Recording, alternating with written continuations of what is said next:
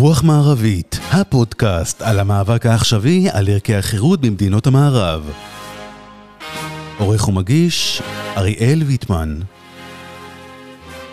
ברוכים הבאים לרוח מערבית, הפודקאסט שידון על אתגרי המערב מתוך ראיית עולם וזוו... וזווית שמרנית, ליברלית, ליברלית קלאסית, פרו...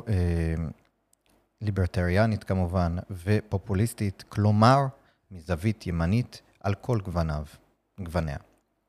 אמ, אנחנו כמובן אמ, נמצאים במערב, חלק מהמערב, מדינת ישראל,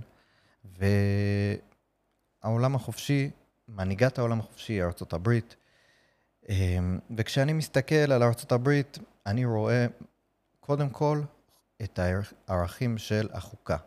ערכים של חופש, חירות, אמ, הגבלת הממשלה, אמ, כדי לאפשר ליחיד, לאינדיבידואל, להצליח, לשגשג, לפרוח ולהחליט איך הוא רוצה לחיות את חייו.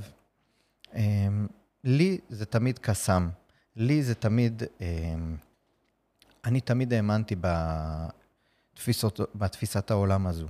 אני מאמין בקהילה חזקה, שנותנת את התמיכה מבחוץ, מחוץ לממשלה, מדינת רווחה קטנה, וב, וביכולת אה, של האינדיבידואל בתוך כל הדבר הזה לפרוח ולשגשג ללא התערבות של הממשלה.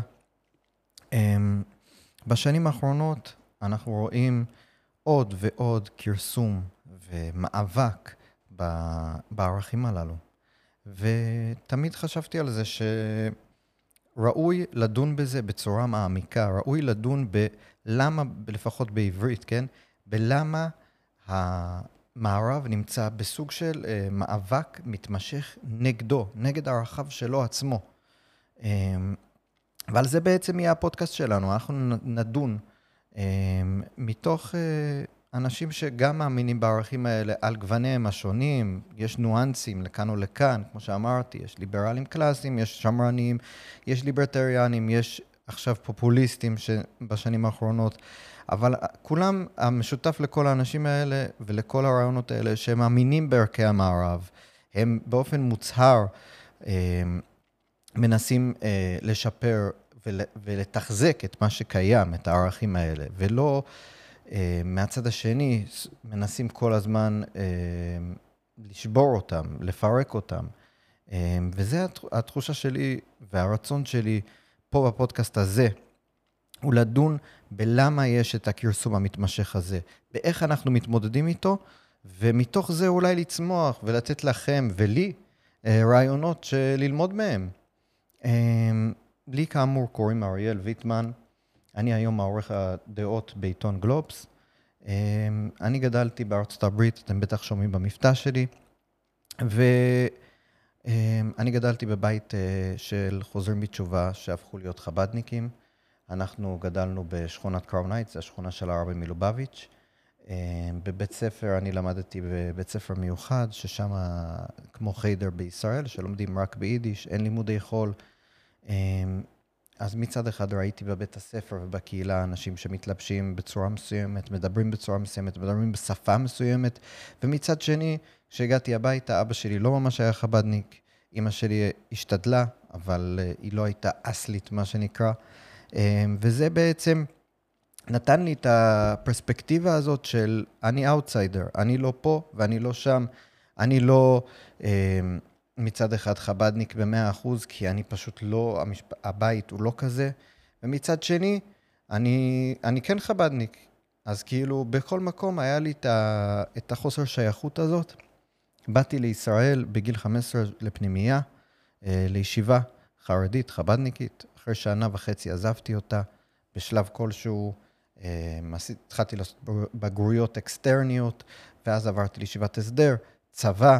אמ, תואר ראשון, תואר שני, עיתונות, דוברות, עיתונות שוב עכשיו. ובד בבד בבד, אמ, תמיד שמרתי ואני תמיד הרגשתי גם סוג של אאוטסיידר, תמיד, גם בישיבה ההסדר, תמיד הרגשתי קצת סוג של אה, חבדניק בתוך ציונות דתית. ב, אה, ב, גם בתואר ראשון שני הרגשתי סוג של מה שנקרא אולי ימני, שמרני, ליברטריאני, בתוך מקום שהוא הרבה יותר, אה, שהוא הרבה פחות כזה. אמ, ו, ובעצם מה שחשוב לי תמיד, תמיד היה לי חשוב לקדם את ערכי החופש והחירות הפרט, וחירות הפרט וכלכלה חופשית. בתוך כל המקום הזה שבו אנחנו נמצאים פה במדינת ישראל. זה כמובן שם אותי במיעוט, אין מה לעשות, בישראל לא אוהבים חירויות הפרט, לפחות זה לא... בשנים האחרונות יש קצת יותר התעוררות של זה, ואני, וזה כמובן מבורך, אבל זה לא, זה לא הערכים המרכזיים שמנחים לפחות לא את השיח הציבורי שלנו, וחבל שכך, אבל זה התפקיד שלנו, לפחות שלי, אני מרגיש אה, באיזשהו מקום אה, לקדם את זה, ו, ועל כך אנחנו נדון כאן. אה, גם לי אישית קרה התרחש, התרחשה איזשהו, אה, ב, אה, ככה נקרא לזה, לא אסון, כי זה לא אסון, אבל עוד משהו שנתן לי פרספקטיבה להסתכל על החיים. אה, לפני כמה שנים אני, במה, התפרצה אצלי מחלת עיניים מאוד מאוד נדירה. איבדתי את רוב הראייה שלי, כיום אני עם תעודת עיוור. אה, אל תשאלו אותי איך בן אדם אה, שהוא עורך מדור בעיתון, הולך עם תעודת עיוור, אבל זה משהו שאנחנו מצליחים uh, לעשות. ואני חושב שזה נתן לי איזושהי פרספקטיבה של uh, עם מה מתמודדים קודם כל בעלי מוגבלויות, עם מה, איך uh, uh, אנשים שמאמינים, שתומכים בשוק חופשי ובמדינת רווחה יותר קטנה, יכולים להתייחס לכל הנושא הזה. וזה כמובן גם נתן לי עוד איזשהו חיזוק לאינדיבידואליזם הטבוע בי. כי במובן מסוים, אמ, ברגע שמשהו כזה קורה, הציפייה של החברה ממך היא אה, להתנהג בצורה מסוימת. אה, אמרו לי, תעזוב את העבודה, תקבל קצבה אה, מהביטוח לאומי, תעשה ככה, תעשה ככה, לך, תגיש ככה, תעשה ככה, ובסוף אני בחרתי את הדרך שלי, בחרתי להמשיך לעבוד, בחרתי להילחם על החיים. לא נכנסתי לאיזשהו סוג של דיכאון, לא נשארתי במיטה וישבתי שם חודשים, אלא מיד באותו יום שהודיעו לי שזה מה שיש לי, שזה הדיאגנוזה, ישר נסעתי לעבודה, יעידו אה, הבוסית, תעיד הבוסית שלי, אמ, ופשוט החלטתי לקחת את עצמי בידיים ולעשות את כל מה שאני יכול כדי להתגבר על הדבר הזה. אני מספר את זה כי בעיניי זה כן חשוב שתכירו את הבן אדם שמאחורי התוכנית, זה חשוב שאתם, שתבינו, מאזינות ומאזינים, למה בעצם אני עושה את התוכנית הזאת? למה זה כל כך חשוב לי שהערכים האלה של חירות, של חופש, של קהילה אה, חזקה ותומכת, של אה, ערכי, ערכי מוסר אה, ברורים אה, יקודמו, ושנדבר על מהם הערכים שלנו האלה ושנקדם אותם. אה, ולכן אני מספר לכם את זה. אמ, אנחנו כמובן אמ, נדון אה, על כל הנושאים האלה ועל הכרסום המתמשך בערכים, בערכי המערב, בחירות, בכרסום המתמשך בחופש הביטוי, בכרסום המתמשך בחירות הפרט, ב... בהכל. ואנחנו נדון על זה עם אורחים מאוד מאוד מיוחדים וחשובים מהארץ ומחו"ל. נדון אה, בפרקים הבאים עם מיכל אלפרין, הממונה על ההגבלים עסקיים לשעבר, הממונה על התחרות בשמה הנוכחי, אמ, על דיני התחרות פה ושם, על השינויים הרגולטוריים הצפויים מכך שתפיסות העולם של הרגולטורים משתנה. אנחנו נדון עם רן ברץ, הדובר של ראש הממשלה לשעבר נתניהו, על הכרסום בחופש הביטוי, ועוד אורחים רבים וטובים. ואני ממש מקווה ומבקש כמובן שתישארו איתי ברוח מערבית. אמ, וזהו, זה הפרק הראשון, פרק הקדמה.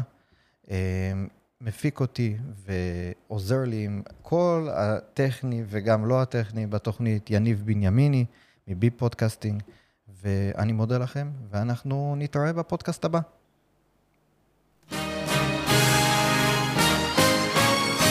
רוח מערבית, הפודקאסט על המאבק העכשווי על ערכי החירות במדינות המערב.